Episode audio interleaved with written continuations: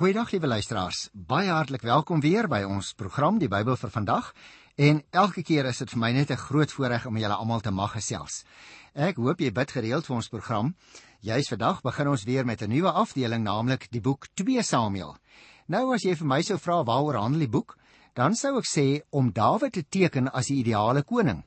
Een wat militêr en ook administratief besonder suksesvol was en wat natuurlik die grondslag gelê het vir 'n sentrale heiligdom in Jerusalem. Ons onthou Dawid as die groot groot bouer van daardie tyd waarin hy gelewe het. Om die waarheid te sê, hierdie uh, boek 2 Samuel wil ook Dawid teken, juis as 'n mens met bepaalde tekortkomings wat ernstige gevolge gehad het vir sy bewind en wat ook ernstige gevolge ingehou het vir sy familie. Die boek wil ook vir ons vertel waarom Salomo vir Dawid opgevolg het. Dit wil aantoon hoe God werksaam is ten spyte van mense se aspirasies, mense se intriges en hulle probleme en uiteindelik sy groter doel te bereik. Nou liewe luisteraar, as ek dit vir jou gesê het, dan sê jy besef hierdie gedeelte wat in 2 Samuel vir ons beskryf word, is vir jou en vir my van groot praktiese betekenis. Tussen hakies, ek wil miskien net vir jou sê die skrywer is eintlik vir ons onbekend. Die boek Kronieke bevat wel 'n opmerking dat die profeet Nathan en Gad die hele geskiedenis van Dawid opgeteken het. Jy kan gerus gaan kyk in 1 Kronieke 29 vers 29.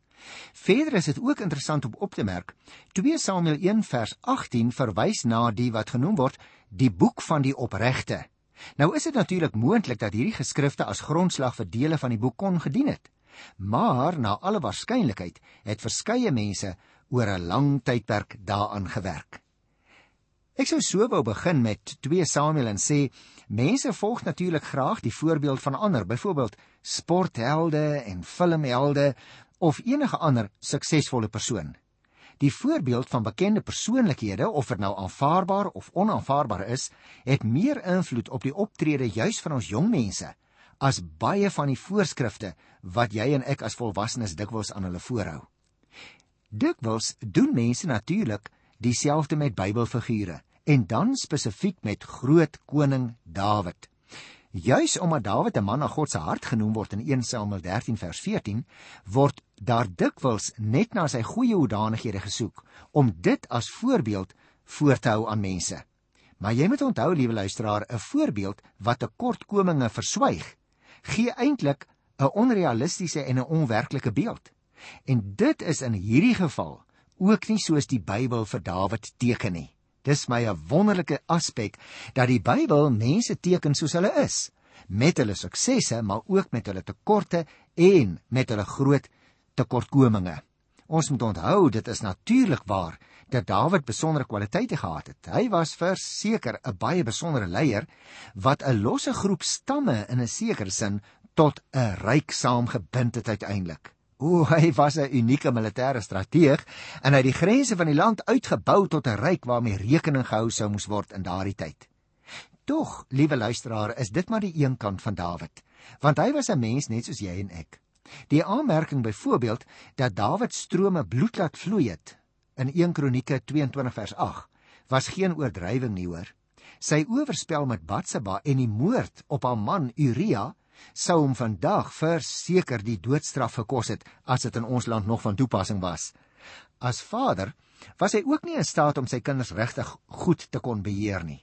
En sy wrok teen mense soos Joab en Simei het hy tot sy dood toe behou. Wanneer hierdie sy van Dawid ontbloot word, dan moet sy voorbeeld eerder afgekeur word. En daarmee wil ek vir jou sê, liewe luisteraar, Dawid was geen held sonder foute nie. Hy was 'n mens net soos jy en ek en dit is hoe die Bybel hom teken. As ons nou kyk na die boek 2 Samuel, dan sou ons daarin, lyk dit vir my, vier hoofdele kon uitwys. Die eerste gedeelte is waar Dawid koning word van Juda tot aan die einde van Hosea 4 vers 12. En dan die tweede afdeling waar hy oor Israel begin heers, 5 vers 1 tot 10 vers 19. Die derde groot afdeling vertel vir ons 'n bietjie van sy huislike probleme en die staatsprobleme wat geleidelik al hoe meer geword het. 11 vers 1 tot 20 vers 26. En dan die laaste gedeelte van 2 Samuel handel oor die geheim van Dawid se suksesse. Ek is eintlik lus dat ons al daarby moet kom nê, want die geheim om suksesvol te wees is vir ons elkeen van groot belang. En daardie gedeelte sal jy kry in Hoofstuk 21 vers 1 tot aan die einde van die boek, dit wil sê 24 vers 25. Verskillende hooftemas kom in die boek uh, na vore En ek dink dit is ook vir ons van praktiese belang, maar ek gaan daaroor met jou gesels soos wat ons vorder deur die boek. En daarom liewe luisteraar, wil ek dadelik begin hoe dat Dawid koning geword het van Juda. En ek het nou nou 'n paar minute gelede vir jou gesê, dit word vir ons beskrywe in 2 Samuel 1 vers 1 tot 4 vers 12. Nou eers wil ek net stil staan vandag by die 27 verse van 2 Samuel, die eerste hoofstuk.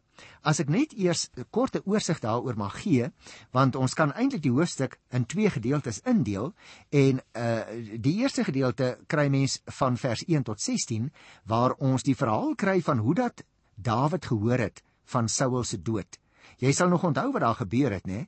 Die verhaal van die Amalekiet wat aanspraak gemaak het op die doodmaak van Saul en dan sy se mure teregstelling deur Dawid wat die man natuurlik nooit verwag het nie. Dit tussen hakies was nog 'n baie be belangrike bewys, liewe luisteraar, dat Dawid niks te doen gehad het met die dood van Saul nie. Die verhaal verklaar ook vir ons hoe dit dan gebeur het dat Dawid die kroon van Saul bekom het. Maar nou ja goed, kom ons lees sommer dadelik die eerste 5 verse van 2 Samuel 1. Na die dood van Saul op die 3de dag daarna, het daar onverwags iemand uit Saul se kamp by Dawid aangekom. Dawid was toe al 2 dae terug in Siklag na sy oorwinning oor die Amalekiete.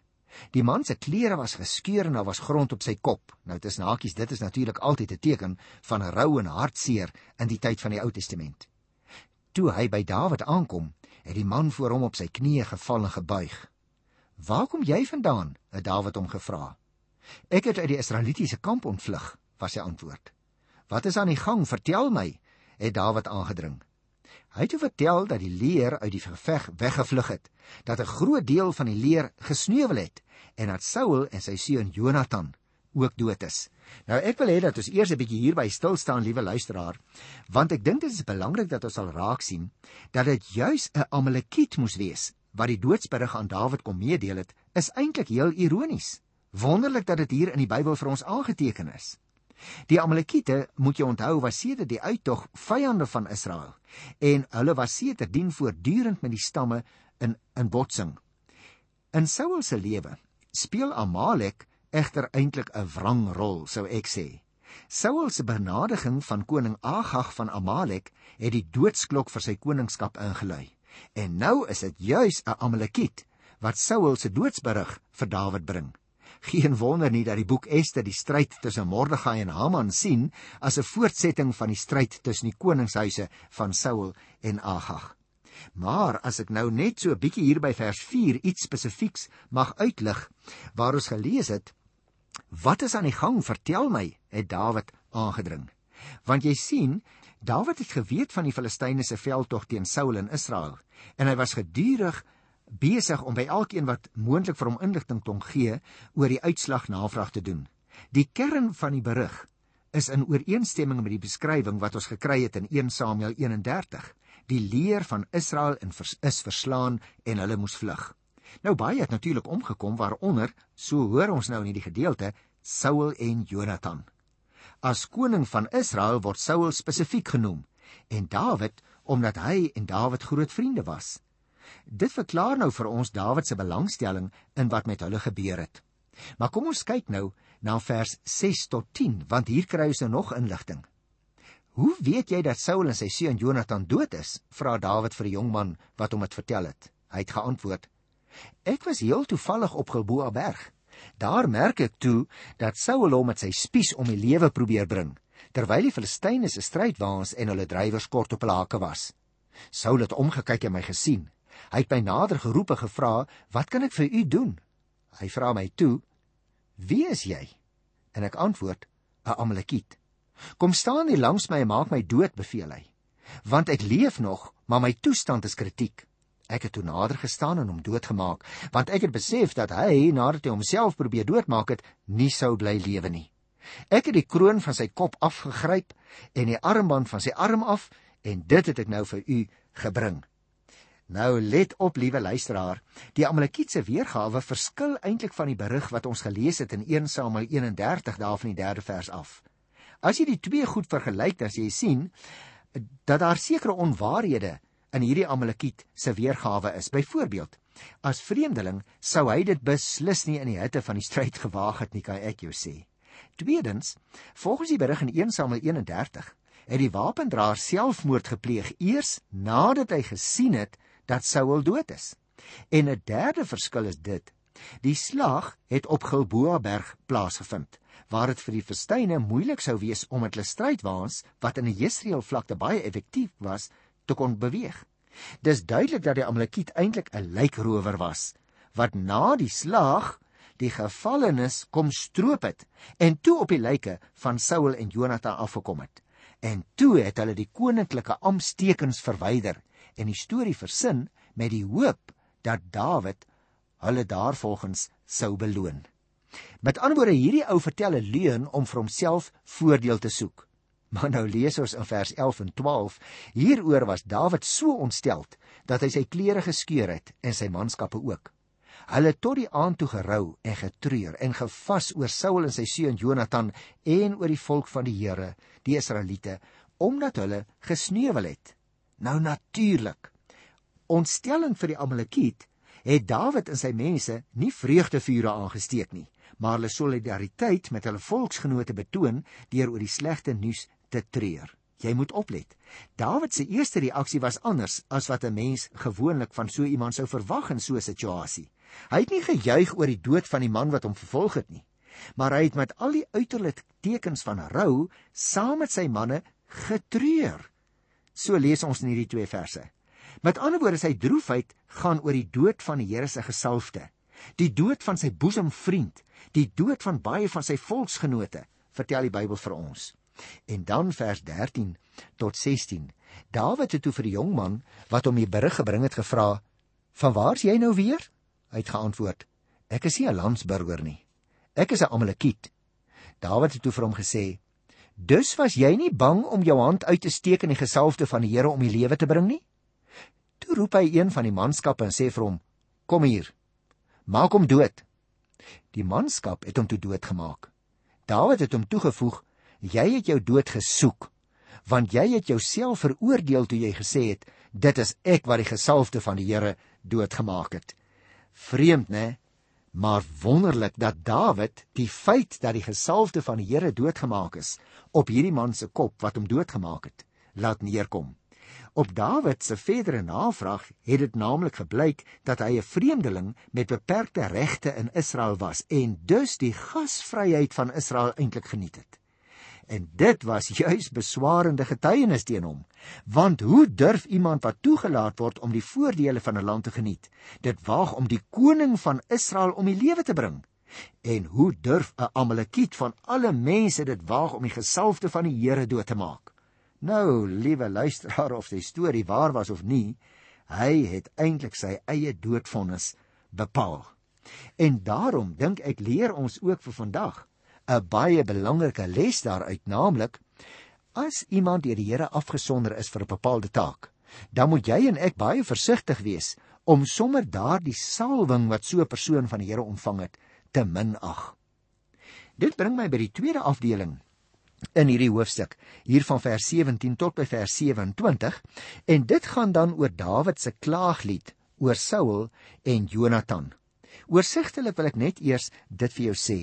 In een van die treffendste gedigte in die hele Ou Testament word Dawid nou hier geteken in sy smart oor Saul en Jonathan. Tussen hakies, die lied is vir my nog 'n teken van Dawid se onskuld aan Saul se dood. Die smart in die pathos wat uit hierdie lied spreek, weerspieël juis die smartvolle emosies van iemand wat diep geraak is oor die dood van Saul en oor Jonathan, nie van iemand wat daarbey betrokke sou wees nie. Ons kan dus baie duidelik hieruit sien dat Dawid nie sommer net vir die indruk vir die spel daarvan 'n klaaglied aangehef het nie. Hy was diep in sy hart daaroor ontroer. En daarom die eerste 2 verse hier in 2 Samuel, ek 1 vers 17 en 18, dit lui so. Dawid het die volgende klaaglied oor Saul en sy seun Jonathan gesing. Hy het opdrag gegee dat hierdie booglied aan die inwoners van Juda geleer moes word. Die lied is ook opgeteken in die boek van die opregte. Nou hieroor moet ons eers 'n bietjie gesels, liewe luisteraar. Want jy sien die inleiding tot die lied word hier genoem die booglied. Nou bestaan daar so 'n bietjie onsekerheid oor presies wat daarmee bedoel word. Dalk is dit na aanleiding van vers 22 wat ons net nou gaan lees en waar daar gepraat word van die lelies dat dit nou die booglied genoem word. Jy sien die vermelding dat die inwoners van Juda en nie Israel nie dit moes leer kan waarskynlik daarop dui dat dit uit 'n baie vroeë stadium kom voor die vereniging van die ryk nog. En dan word hier ook tweedens gepraat van die boek van die opregte. Jy sal onthou, ons het dit ook teëgekom in die boek Joshua by die 10de hoofstuk vers 13 waar dit vermeld is en waarskynlik was dit 'n geskrif oor groot gebeurtenisse in Israel. Maar hier word niks verder daaroor gesê nie. Die feit is, hier in die inleiding tot die klaaglied word sekere besonderhede gegee waarvan die presiese betekenis al met die rol van baie eeue ander kan die horison en die gesigseinder vir ons verdwyn het. Maar dit is eintlik bysaak, want sulke klaagliedere oor die dood van beroemde persone is meermaal in die Ou Testament gedig. Vergelyk byvoorbeeld ook die treurlied van Jeremia oor die dood van koning Josia, daardie vroeë man. Jy sal dit kry in 2 Kronieke 35 by vers 25. Belangrik ook in vers 18 het jy opgemerk, die klaaglied oor Saul en Jonathan moes aan die inwoners van Juda geleer word. Daarom het ek nou nou vir jou gesê, die lied het waarskynlik eers later tot stand gekom in die geskiedenis. Nou kom ons kyk so 'n bietjie na hierdie lied. En ek wil dit in twee perikope behandel. Ek wil eers vers 19 tot 24 lees en dan gaan ek so 'n bietjie daaroor gesels met jou. Ek lees hier van vers 19 af. Jou trots Israel, op jou hoogtes lê dit verslaan. Hoe het die helde geval? Moet dit nie in gat vertel nie? Moet dit ook nie bekend maak in Askelon se strate nie, anders sal die Filistynse meisies bly wees en die dogters van die heidene jubel. Gilboa bergte, offerland nog dou nog reën vir julle. Waarlik daar is die helde skuld besoedel. Saul se skuld dit is nie met olie ingesmeer nie maar met bloed van gesneuweldes met vet van heidene. Jonathan se boog dit het Paul gestaan. Saul se swaard dit het sy werk goed gedoen. Saul en Jonathan geliefde en beminde mense in lewe en sterwe nie geskei nie Hulle was vinniger as arende, sterker as leeu's. Israelitiese dogters, julle moet huil oor Saul. Hy het julle beklee met suurlike klere, goue sierade, het hy daarop laat aandring. Is dit nie 'n pragtige treursang oor twee groot helde uit die geskiedenis van Oud-Israel nie? Jy sien in hierdie eerste klompie verse van vers 19 tot 24 luisteraars, uh, gaan dit in die lied oor Saul en Jonathan. En dit word ingelei, het jy opgemerk met die retoriese vraag Hoe het die helde geval? Jy sien die reaksie van die Filistynse meisies waarna hier verwys word en die Israelitiese dogters word as dit ware teenoor mekaar gestel as 'n uitdrukking van die kontrasterende belewennisse van die gebeurtenis. Die huil van die Israelitiese dogters staan in teenstelling met die vreugdelied van die vroue in 1 Samuel 18 vers 7. Nou miskien kan jy en ek sê ag die lof klink vir my so 'n bietjie oordrewe veral in vers 23. Die dodelied moet ons onthou, is egter nie 'n lewensgetroue weergawe nie, dit is 'n huldiging en daarom word dit soms in baie kleurryke uh terme en beelde beskryf. En daarom sal die tekortkomings verswyg word in so 'n lied en die goeie sal so bietjie geromantiseer en selfs geïdealiseer word. Ek wil miskien net spesifiek verwys na vers 23 waar ons dit baie goed kan sien. Luister. Saul en Jonathan geliefde en beminde mense in lewe en sterwe nie geskei nie. En dan luister. Hulle was vinniger as arende, sterker as leeu's. Nou moet jy weer onthou dit is lied, dit is dus plastiese manier van skrywe en van sing oor mense en daarom is dit so bietjie vir ons gevoel dalk oordrewe. Maar die punt is Dawid wil groot hulde bring aan hierdie twee vriende van hom, Die koning van Israel, Saul, is dood en sy geliefde vriend Jonathan. Nou kom ons kyk na die laaste 3 verse in hierdie lofsang wat dan eintlik ook as 'n klaaglied gesing word omdat hierdie twee persone dood is. Vers 25 tot 27. Hoe het die helde geval in die hitte van die stryd? Jonathan lê verslaan op die hoogtes. Ek is bedroef oor jou my broer Jonathan. Jy was baie na aan my hart. Jou liefde was my wonderliker as die liefde van enige vrou. Hoe het die helde geval? Met die wapen in die hand het hulle omgekom. Interessant dat dit so beskrywe word. Dit is asof die fokus nou baie skerp ingetrek word in die laaste 3 verse op sy goeie vriend Jonathan. En daarom hierdie tweede deel van die lied gaan eintlik net oor Jonathan en dit word ingelei en afgesluit met die refrein Hoe het die helde geval? Maar nadat dit gesê is aan die begin en weer afgesluit word aan die einde van vers 27, fokus die sentrale gedeelte van die 3 verse eintlik maar net op Jonathan. En daaruit lyk dit vir my, liewe luisteraar, dat dit vir ons die besondere verhouding tussen Dawid en Jonathan nog weer 'n keer wil onderstreep. Nou is daar natuurlik mense wat juis in vers 26 tekens van 'n homoseksuele verhouding wil inlees. Onthou jy ek het ook vir jou daarop gewys toe ons 1 Samuel 18 by die eerste vers behandel het en ek het uh, ook toe daarop gewys dat dit 'n indra van vooropgesette gedagtes is in die teks. Want in geen een van die Bybelse weergawe kry ons enige werklike grond om dit te kan beweer nie. Maar daar word ook, het jy opgemerk uit die oog verloor, dat ons hier met 'n stuk poësie te maak het waarin dit vir jou gesê word dat woorde en beelde wat soms groter is as die persoon wat beskryf word, gebruik word. En dat die Bybel oor die algemeen sulke homoseksuele verhoudings afkeer. Daarom moet ons dit nie hier in die teks inlees nie, want ons het te make met poëtiese materiaal wat nie letterlik opgeneem moet word nie en hoef ons nie onnodig iets daarin in te lees wat nie daar staan nie. Jy moet ook opmerk dat daar met groot besonderhede die ontroering beskrywe word waarin en waarmee Dawid treur oor die dood van sy vriend Jonathan. Dat juis Jonathan dood in die berge moes lê onbegrawe 'n prooi van wilde diere en 'n voorwerp van spot vir sy vyand gryp vir Dawid in die hart. Hy sou dit ewe goed oor 'n ander dapper held van oud Israel kon skrywe. En dan die 26ste vers wat by daarin opval nê waar hy sê ek is bedroef oor jou. Het ek reeds uh, vir jou gewys dat hierdie liefde wat daar bestaan het tussen Dawid en Jonathan wat hy so hoog geag het, hy dan op 'n poëtiese manier beskrywe, selfs is dit sê hy wonderliker as die liefde van enige vrou. Tussen hakies op hierdie stadium het Dawid natuurlik alreeds twee vroue gehad. So ek dink enige uh, donker kant daaraan, liewe luisteraar, rondom homoseksualisme kan ons volledig by die wortel afsny want daar's geen rede erns in die Bybel om dit in die tekste in te lees nie. Die laaste vers, hoe het die helde geval? Ek het vir jou gewys daarop dat hy in vers 25 ook begin om hierdie gedeelte so af te sluit. Hy bind dit as dit ware soos 'n toffie met hierdie uitdrukking by die begin en die einde aan mekaar. Hy draai as dit ware die toffie toe met sy retoriese vraag: Hoe het die helde geval? Maar nou sê hy in vers 27 met die wapen in die hand het hulle omgekom. Het jy opgemerk? Vir die derde keer kom die refrein van die klaaglied nou hier voor. Ons het dit gekry in vers 19, ons het dit gekry in vers 25 en nou ook hier in die 27ste vers. Saul en Jonathan en die leer van Israel het tot die einde toe geveg en deur hulle dood het Israel van sy dapperste dapperste helde verloor.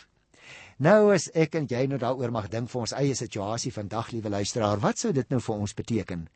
Ek dink die eerste gedeelte van die hoofstuk waar Dawid nou verneem het van Saul se dood, wys vir ons hoe dat Dawid groot agting gehad het vir iemand wat deur die Here gesalf was.